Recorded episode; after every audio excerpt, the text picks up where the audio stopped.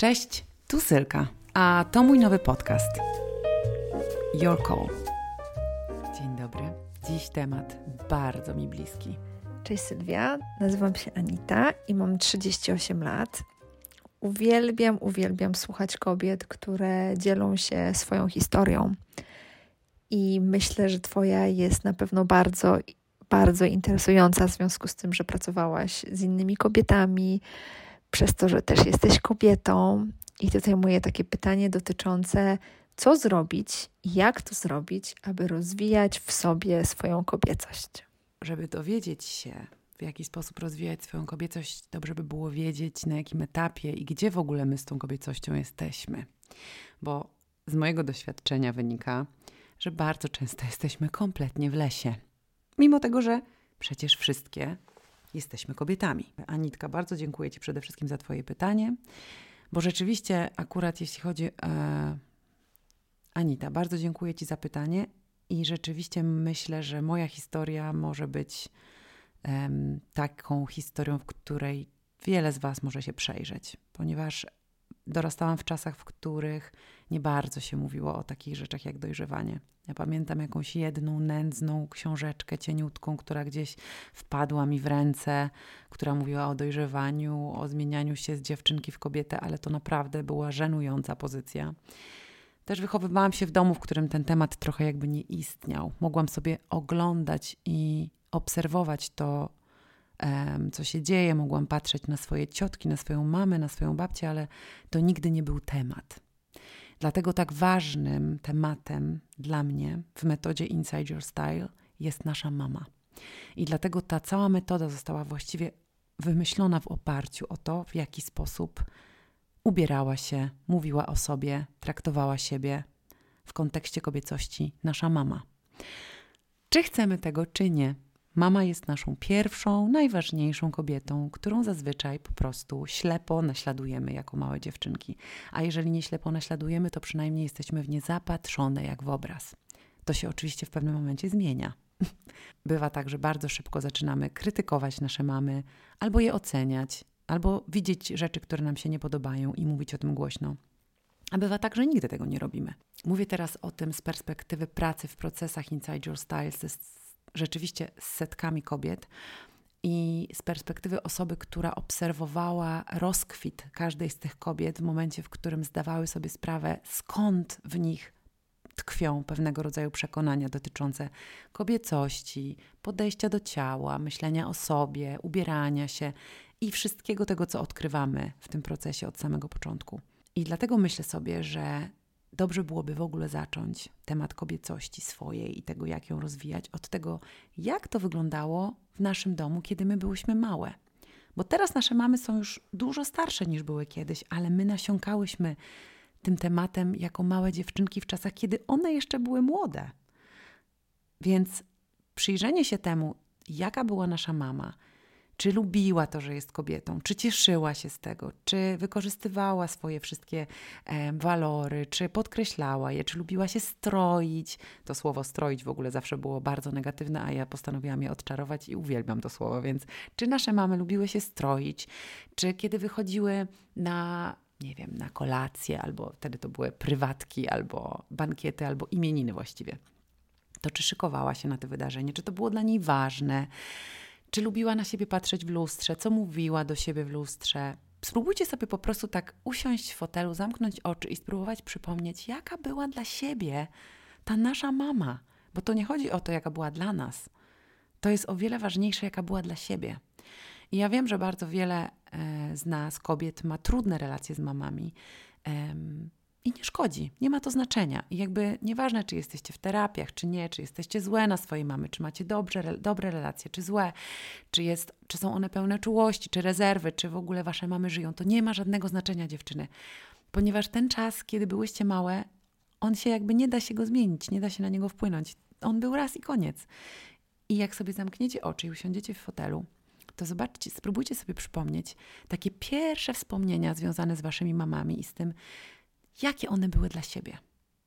Jak one zachowywały się w relacjach z tatą, jak zachowywały się w relacjach z innymi kobietami, jak o siebie dbały, czy w ogóle o siebie dbały.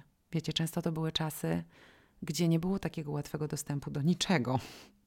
Jeżeli jeszcze w, do, mieszkałaś w Warszawie, tak jak ja, gdzie jakiś tam Peweks był i ktoś tam jakieś czasami miał dewizy, z którymi można było do Peweksu iść, to jeszcze jako tako gdzieś pamiętam na przykład ja swoją mamę, która miała puder Yardleya. Ja doskonale pamiętam zapach tego pudru. I to był puder z Peweksu. Pamiętam, że miała taki tusz do rzęs yy, wykręcany z takiej małej tubki i też go bardzo dobrze pamiętam, bo on był strasznie trudny w użyciu i ona robiła różne sztuczki. Na przykład pudrowała sobie najpierw rzęsy, zanim pomalowała je tym tuszem, bo inaczej to byłby jakiś dramat. Um, pamiętam jej perfumy, jakieś takie pierwsze. W ogóle moja mama przywiązywała się do zapachu, zresztą ja mam tak samo więc używała ich przez lata. A nice, a nice. Pamiętam, jak, jakie swetry robiła, pamiętam, jak biegała w rajstopach po domu, więc jakby pamiętam tą moją mamę, bez względu na to, jaką miałam z nią relację i jak jest teraz. Pamiętam ją jako mała dziewczynka i to, jak byłam w nią zapatrzona. Do tego stopnia, że potrafiłam do przedszkola ubrać się w jej ubrania i w jej rajstopy, które zwijały mi się w obwarzanki e, w kostkach. Ale ponieważ tata mnie odprowadzał, to on takich rzeczy nie zauważał, a mama tylko po prostu wywracała oczami, kiedy mnie z przedszkola odbierała. Ale dała mi wolność i dała mi prawo do tego, żebym sobie sama wybierała w to, co się ubieram. Więc ja sobie oglądałam tą moją mamę i tą jej kobiecość, i sobie zapamiętywałam i coś tam sobie kodowałam, bo wiecie, te rzeczy, one nie są w sposób świadomy przez nas kodowane. One gdzieś tam z nami zostają, czy tego chcemy, czy nie. Fajnie jest dlatego później jako dorosłe kobiety, żebyśmy sobie zajrzały i sprawdziły, na jakim to jest etapie i czy to w ogóle jest aktualne. I to, co potwierdza mi się we wszystkich procesach z klientkami, teraz procesach z uczennicami, w kursach, które robię w temacie tej metody Inside Your Style, to to, że to jest absolutnie niezachwiana prawda. Mamy są dla nas wzorem. A jeżeli to nie są mamy, bo na przykład y, nie, nie dorastałyście z mamą, to jest to jakaś kobieta, która była akurat dla was ważna. To może być babcia, to może być ciotka, to może być siostra mamy, ktokolwiek, kto był koło was jako ta najważniejsza kobieta. To jest ta osoba, która miała na nas największy wpływ i której my teraz, dzisiaj, schematy i mechanizmy powtarzamy, jeżeli nie zajrzałyśmy sobie same tam do środka na pewnym etapie i nie powiedziałyśmy, dobra, hola, hola, czy to jest w ogóle moje? Więc załóżmy, że tego jeszcze nie zrobiłyśmy. To powtarzamy to. I teraz zobaczcie, jeżeli sobie w to nie zajrzymy, jeżeli sobie tego nie skonfrontujemy, jeżeli nie obejrzymy tego pod lupą, to będziemy powtarzały jakiś schemat przez całe życie trochę bezmyślnie. I stąd się biorą te kłopoty, takie połączenie, takie dziwne niewygody, które nagle nas łapią, kiedy my nie do końca wiemy, co to jest ta kobiecość, kiedy my nie do końca wiemy, kim w ogóle jesteśmy w kontekście kobiecości. No bo to, że kobietami jesteśmy, to wiemy na 100%. No i teraz mogę Wam opowiedzieć swoją historię, która moim zdaniem jest zabawna, ale też wcale taka zabawna nie była, kiedy do tego dotarłam. Wszystko oczywiście przyszło do mnie w mojej pierwszej, najważniejszej terapii. Mm, tych terapii miałam kilka i pierwsze terapie dwie, które miałam, one w ogóle nie dotykały tego wątku, bo z terapią jest trochę jak z cebulą, że najpierw musisz obrać pierwszą warstwę, potem drugą, potem trzecią i gdzieś tam powoli dobierasz się do tych miejsc, na które zaczynasz być gotowa. Bo nie jesteśmy gotowe od razu na wszystko, to możecie być pewne. Jeżeli kiedyś byłyście w terapii, to wiecie o czym mówię. Że na początku się daje terapeucie to, co chce się dać i to, na co mamy gotowość, i albo to, czego mamy już naprawdę dosyć. I dopiero z czasem, powoli, po latach, przychodzą kolejne tematy. Ja na przykład teraz mogę powiedzieć, że po 10 latach bycia w różnych terapiach, oczywiście z dużymi przerwami, dotykam dopiero, dotknęłam dopiero tematu relacji, na który po prostu nie byłam gotowa wcześniej. Ale moja terapeutka, wspaniała, kochana kobieta, której już niestety wśród nas nie ma, dotknęła tematu kobiecości tak mocno we mnie, że ja w ogóle nie miałam zielonego pojęcia, dopóki ją poznałam. Nie miałam pojęcia, jak duży problem we mnie tkwił w tym temacie. Absolutnie nie miałam zielonego pojęcia, bo to jest bardzo tricky. To nie jest takie oczywiste. Jestem kobietą. No i co z tego, jeżeli po urodzeniu mojego Jasia trafiłam do marzenki, która po prostu rozwaliła mi całą moją kobiecość w drzazgi, bo się nagle okazało, że ja w ogóle nie lubię kobiet. Myślę, że można byłoby tu postawić kropkę, bo mówi o tym osoba, która pracuje z kobietami przez całe życie. Ale nie wiem, czy to można podciągnąć pod y, szef bez butów chodzi. nie wiem. Na pewno dla mnie to odkrycie było niewiarygodne i to wyszło mi terapii z Marzeną, która pewnego dnia po prostu postawiła przede mną takie plastikowe ludziki. Nic wtedy nie wiedziałam o co chodzi. Okazało się, że są to ustawienia systemowe. Postawiła przede mną taką wielką, um, taki wielki plastikowy pudło z ludzikami z gry mojego syna, zresztą Playmobil. Więc ja powinnam znać te ludziki, powinnam mniej więcej już bawiłam się nimi na tamtym etapie, więc powinnam wiedzieć, co robię. Ale to jest jakby silniejsze, od, silniejsze totalnie od, od nas, to co zaczynamy w sposób podświadomy robić. Kiedy słyszymy, no dobra, to teraz wyjmij z tego pudełka siebie. I ja z tego pudełka wyjęłam siebie i postawiłam. A potem Marzenka powiedziała, to teraz wyjmij mamę, tatę, tam wyjmij brata. Nie powiedziała mi, ustawiaj je, po prostu wyjmij. A ja podświadomie, w sposób zupełnie taki mm, automatyczny, ustawiałam je wokół siebie. I ona do mnie w pewnym momencie powiedziała, posłuchaj, nie wiem, czy ty widzisz, ale jako siebie wyjęłaś chłopca. I ja zbaraniałam. Kompletnie. Patrzyłam na tą figurkę i cały czas próbowałam mówić marzenie, nie, nie, posłuchaj, to nie jest chłopiec, to jest po prostu taka ładnie obcięta, ostrzyżona dziewczynka. Ona siedziała i patrzyła na mnie z politowaniem, mówiąc, nie, nie, to nie jest dziewczynka, to jest chłopiec. I zobacz, twoja mama, którą wyjęłaś i postawiłaś przed sobą, też jest chłopcem. Słuchajcie, ja prawie tam wybuchłam płaczem, bo dla mnie to nagle wszystko zaczęło mieć sens. Ja nagle zaczęłam rozumieć, co się w ogóle dzieje. I ona nagle tymi jednymi ustawieniami, tymi, tą jedną zabawą z ludzikami odkryła we mnie pogardę dla kobiet. Coś, co ja w sobie nosiłam bardzo głęboko. Wydawało mi się, że w ogóle tego, znaczy wydawało mi się, ja byłam pewna, że czegoś, w ogóle nie, ma, nie było takiej opcji. To nie był temat. Jaka pogarda dla kobiet? Przecież ja kocham kobiety. Przecież ja z nimi pracuję. Przecież ja robię cały czas rzeczy dla nich. Już wtedy pracowałam jako stylistka, projektantka, miałam swoją markę odzieżową. Wiecie, no jakby wszystko, co robiłam, robiłam dla kobiet. I to było dla mnie takie odkrycie. Skąd to się wzięło? Bo Marzena powiedziała, no dobrze, a co by było, gdybym zamiast teraz tego chłopczyka postawiła ci tu to? I wyjęła z tego pudełka księżniczkę w różowej sukience. I ja dostałam spazmów. Nie wstydzę się tego w ogóle bo dla mnie to było odkrycie przełomowe. To zmieniło całe moje życie. Ja się nagle zorientowałam, że kolor różowy w moim świecie nie istniał. Okazało się, że on po prostu kojarzył mi się z księżniczkowością, a księżniczkowość kojarzyła mi się z głupotą, z bezmyślnością, z byciem tempą. I Marzena zaczęła zadawać mi takie pytania.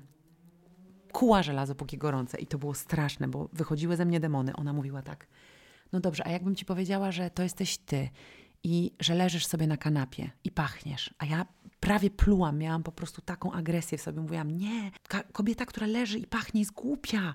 I ona siedziała i po prostu patrzyła na mnie z uśmiechem takim, wiecie, czułym uśmiechem, bo ona właśnie zdała sobie sprawę i właśnie pokazywała mi w ten sposób, jak bardzo coś noszę w sobie, co nie jest moje. Gdzie ktoś, czy podświadomie, czy świadomie, czy w tym wcieleniu, czy w poprzednim, bo wiecie, no jakby my jesteśmy kłębkiem różnych zbieżności. To nie jest tak, że my się rodzimy jako czyste kartki, my nosimy w sobie jakieś nieswoje traumy. I ona powiedziała, Sylwia, to nie jest twoje, tym jakby rozbrójmy to teraz, sprawdźmy, co to jest, skąd to możesz mieć. I spal to, dlatego, że szkoda twojego życia. I ja pamiętam, że w ogóle moment, w którym poszłam do Marzeny, to był taki ciekawy moment, w którym ja nie wiedziałam, że ja idę z tematem kobiecości. W ogóle poszłam z czymś zupełnie innym. Chodziło chyba o pracę o takiego, o impostor syndrom, o krytyka wewnętrznego, o coś takiego.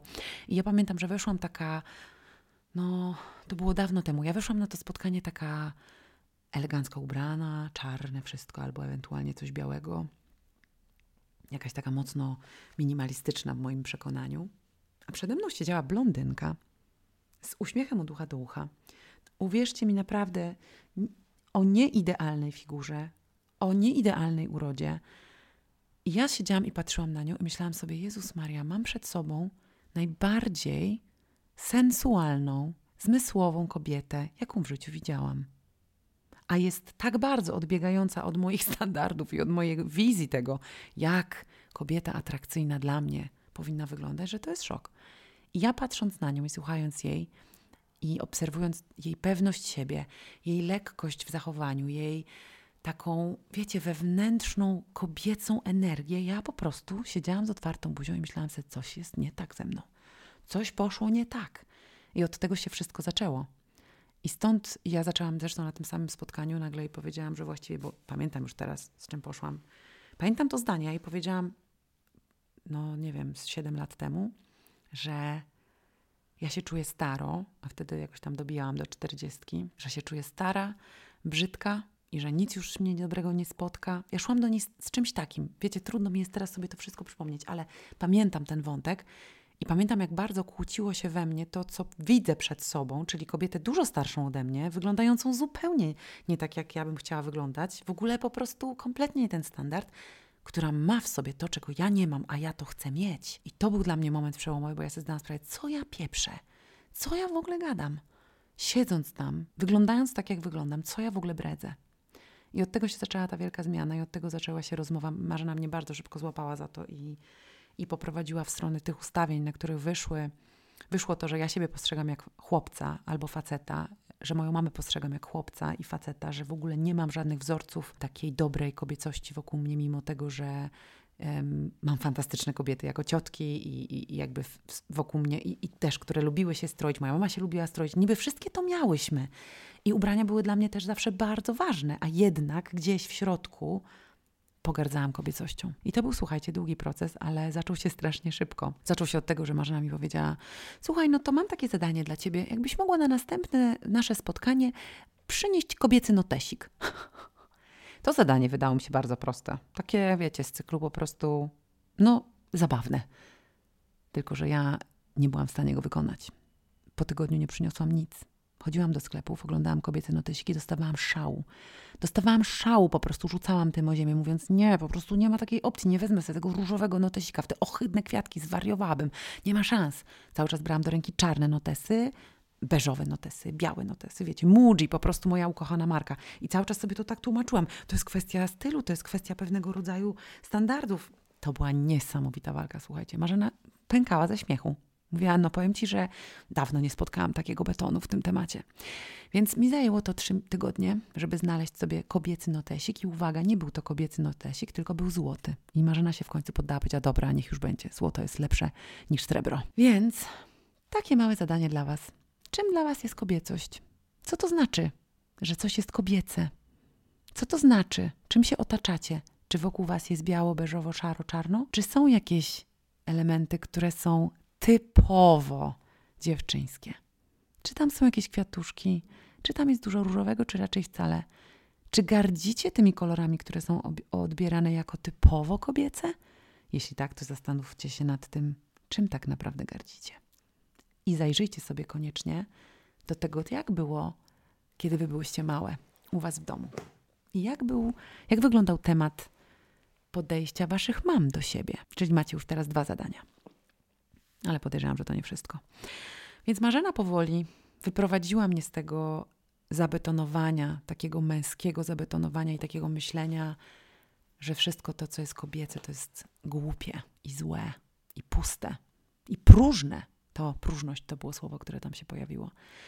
E, I nagle dotarło do mnie, dlaczego ja nigdy nie miałam żadnego chłopaka czy też partnera, który zarabiałby więcej niż ja nikogo, kto mógłby mnie utrzymywać. Ja nigdy w życiu do takiej relacji bym nie podeszła, dlatego że w głębi duszy ja takimi relacjami gardziłam. A Marzena mi zadawała takie pytania wtedy na tych ustawieniach. No a co by było, gdybyś była chora? A co by było, gdybyś nie była w stanie pracować? Bardzo to były niewygodne pytania i prowadziły mnie do tego, że ja po prostu mam popsuty system i że dobrze by było sobie nad tym popracować, bo w przeciwnym wypadku ja się zacharuję na śmierć i będę całe życie pracować i pomagać, a nie pozwolę sobie na to, żeby ktoś mógł pomóc mi. Albo żeby ktoś mógł po prostu podać mi herbatę, albo żebym mogła sobie pachnieć i leżeć, co teraz naprawdę z wielką lubością praktykuję bardzo często. I czy moje życie jest gorsze? Nie, jest dużo, dużo lepsze. O kobiecości też można mówić w kategoriach energii męskiej i żeńskiej. To jest taki dosyć dla mnie też nowy temat, bo pierwszy raz trafiłam na temat tych jakby różnic pomiędzy energiami chyba dwa lata temu, kiedy trafiłam na masaż tantryczny, który jest bardzo mocno związany z różnicowaniem tych energii. Założenie tantry jest takie, że energia męska i żeńska jest w nas w równowadze. I w zależności od tego, czego potrzebujemy w danym momencie, dobieramy się do tej energii, która jest nam do tego potrzebna. Na czym to polega? Kiedy pracujemy, kiedy jesteśmy w ferworze walki, kiedy planujemy, kiedy ogarniamy mieszkanie, kiedy załatwiamy sprawy naszych dzieci, jesteśmy w energii męskiej. I to jest ok. Nic nie ma w tym złego. Kiedy wracamy do domu, a w domu jest partner, gra muzyka, kiedy on szykuje dla nas coś do jedzenia, wchodzimy w energię żeńską. Pozwalamy na to, żeby on się o nas troszczył. I zostawiamy tą energię męską, tej takiej ósemeczki, która powinna w sposób równoważny sobie płynąć od do. Oczywiście są momenty w życiu, kiedy będziemy bardziej w energii męskiej, ale to, ale problem zaczyna się wtedy, kiedy nie umiemy wrócić do energii żeńskiej. I to jest to, z czym my, kobiety XXI wieku, borykamy się najbardziej. Z tym, że nie umiemy być w równowadze, że nie umiemy naszych energii kontrolować, że pozwalamy, aby ta silniejsza energia, czyli ta męska energia, przejęła wszystko. I wtedy zaczynają się schody, i wtedy zaczynają się problemy, i wtedy zaczynają się pretensje, zaczynamy my mieć pretensje do naszych facetów, bo my ogarniamy wszystko, bo my zaczynamy za bardzo działać, bo my jesteśmy takie szybkie i my byśmy chciały, żeby oni byli szybcy. A wiecie, na czym polega cała metoda dobra relacja z mężczyzną? Na tym, żeby pozwolić mu działać w jego energii męskiej. Czyli na tym, żebyśmy my w odpowiednim momencie wzięły oddech i zrobiły krok do tyłu i pozwoliły im działać. A my tego nie umiemy, bo jesteśmy już tak rozpędzone. Ja o sobie nawet bardzo często mówiłam, że jestem ciężarówką. że jesteśmy tak rozpędzone w tej swojej męskiej energii i tak szybko biegniemy i takie jesteśmy ogarnięte, że ten nasz facet, on nawet nie próbuje przejmować jakiejkolwiek inicjatywy, bo on wie, że nie ma szans.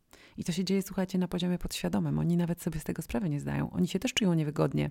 Oni też się czują dziwnie. Coś im nie pasuje, ale nie mogliby pewnie, jeżeli nie są zbyt świadomi tego typu e, różnic, to tego nie wyłapią, ale będ, będzie im niewygodnie. Nie będą czuli się męsko, będą się czuli źle w takiej relacji. Więc całe clue i całe takie największe odkrycie moje polegało na tym, że my musimy nauczyć się ogarniać nasze energie w taki sposób, żeby one sobie płynęły w równowadze. Wtedy, kiedy potrzebujemy być w męskiej energii, jesteśmy, ale wtedy, kiedy nie potrzebujemy, to już nie musimy. I myślę, Anita, że to jest taki pierwszy krok do tego, żeby budować swoją kobiecość w sposób świadomy.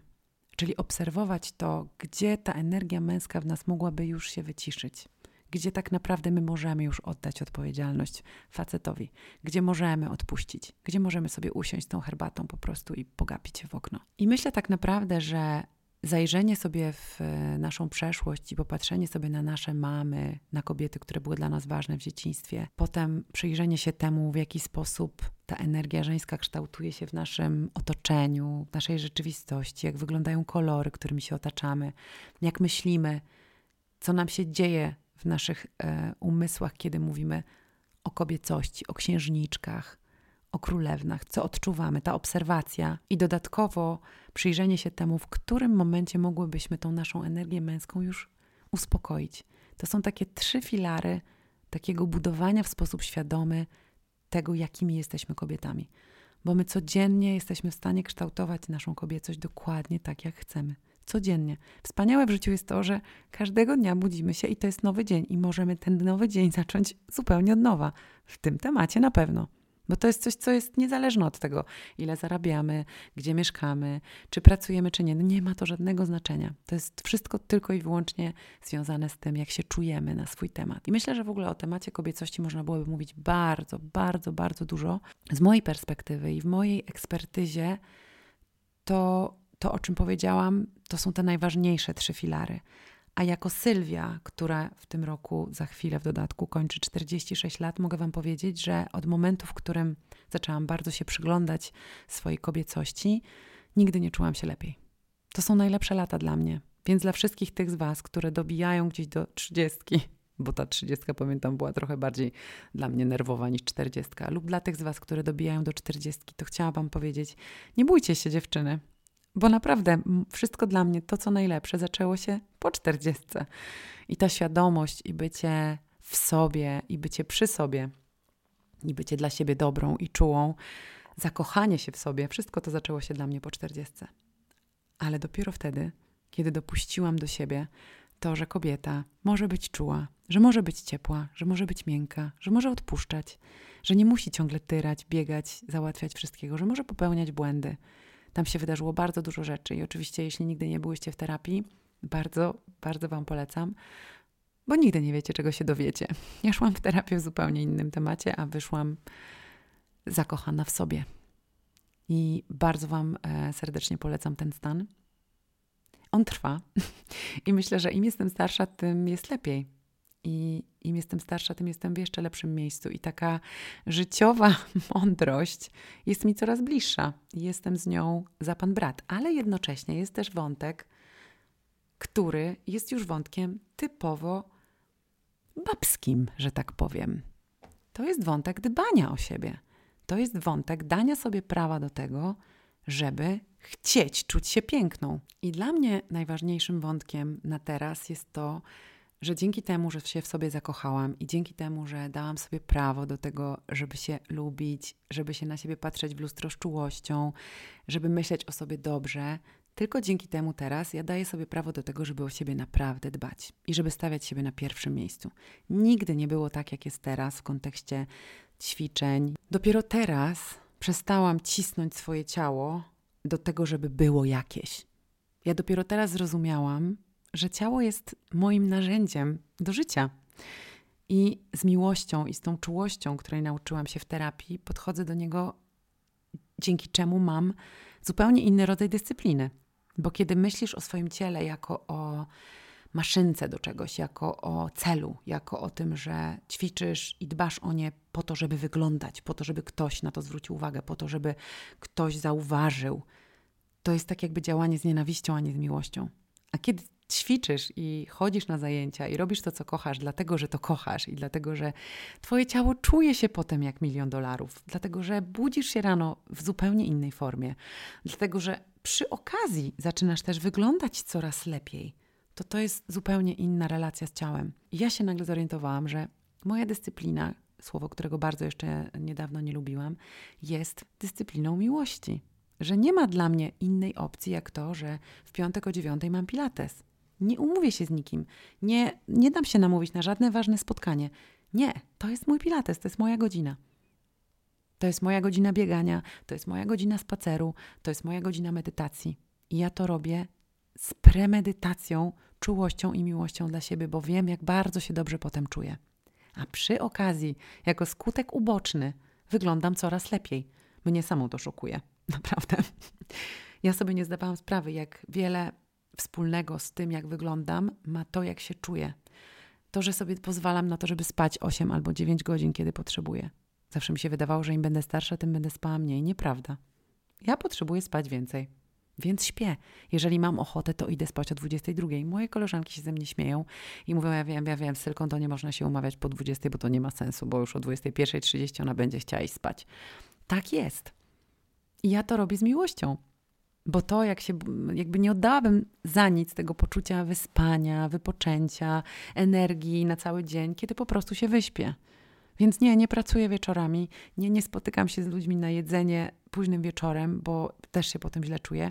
Przestałam jeść świństwa, przestałam jeść chemię, przestałam jeść rzeczy, które mi szkodzą. Po prostu im bardziej siebie kochasz, tym lepiej działasz dla siebie i nie masz poczucia, że robisz to z musu, że ktoś cię do tego przymusza, że, jest jakiś, że są jakieś kanony i standardy, które ci dyktują to, co masz robić. Nie.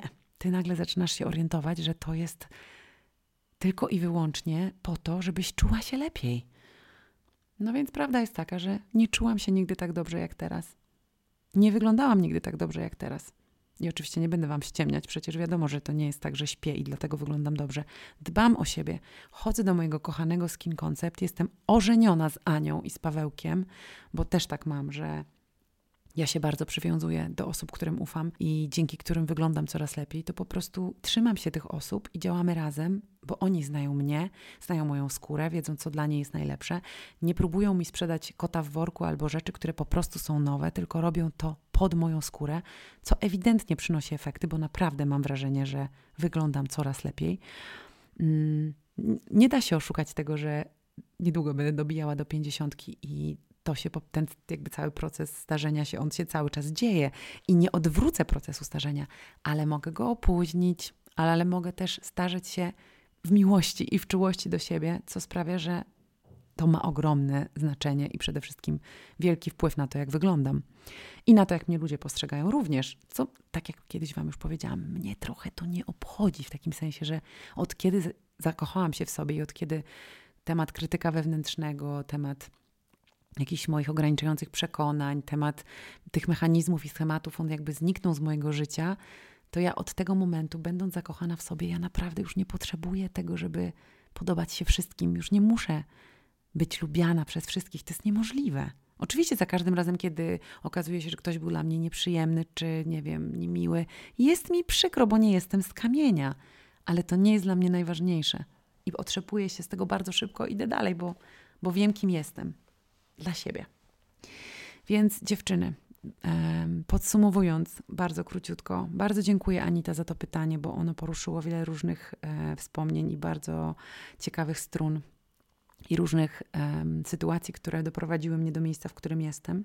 Mam nadzieję, że to, co dzisiaj powiedziałam Wam, będzie dla Was inspirujące. Wrzucę Wam kilka tytułów książek, które w moim mniemaniu są ważne, jeżeli chcemy myśleć o sobie lepiej i być dla siebie bardziej czułe i wzrastać jako kobiety w sobie.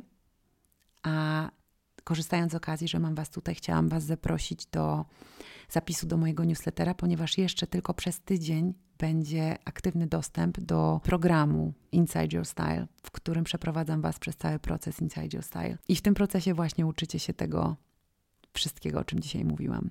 Więc bardzo serdecznie zapraszam. Zapraszam też do komentowania mojego podcastu, do oceniania go, do dzielenia się nim, jeśli Wam się podoba, dlatego że dzięki takim działaniom mój podcast rośnie, a ja mogę dla Was być tutaj co tydzień. Dziękuję Wam bardzo. Do usłyszenia.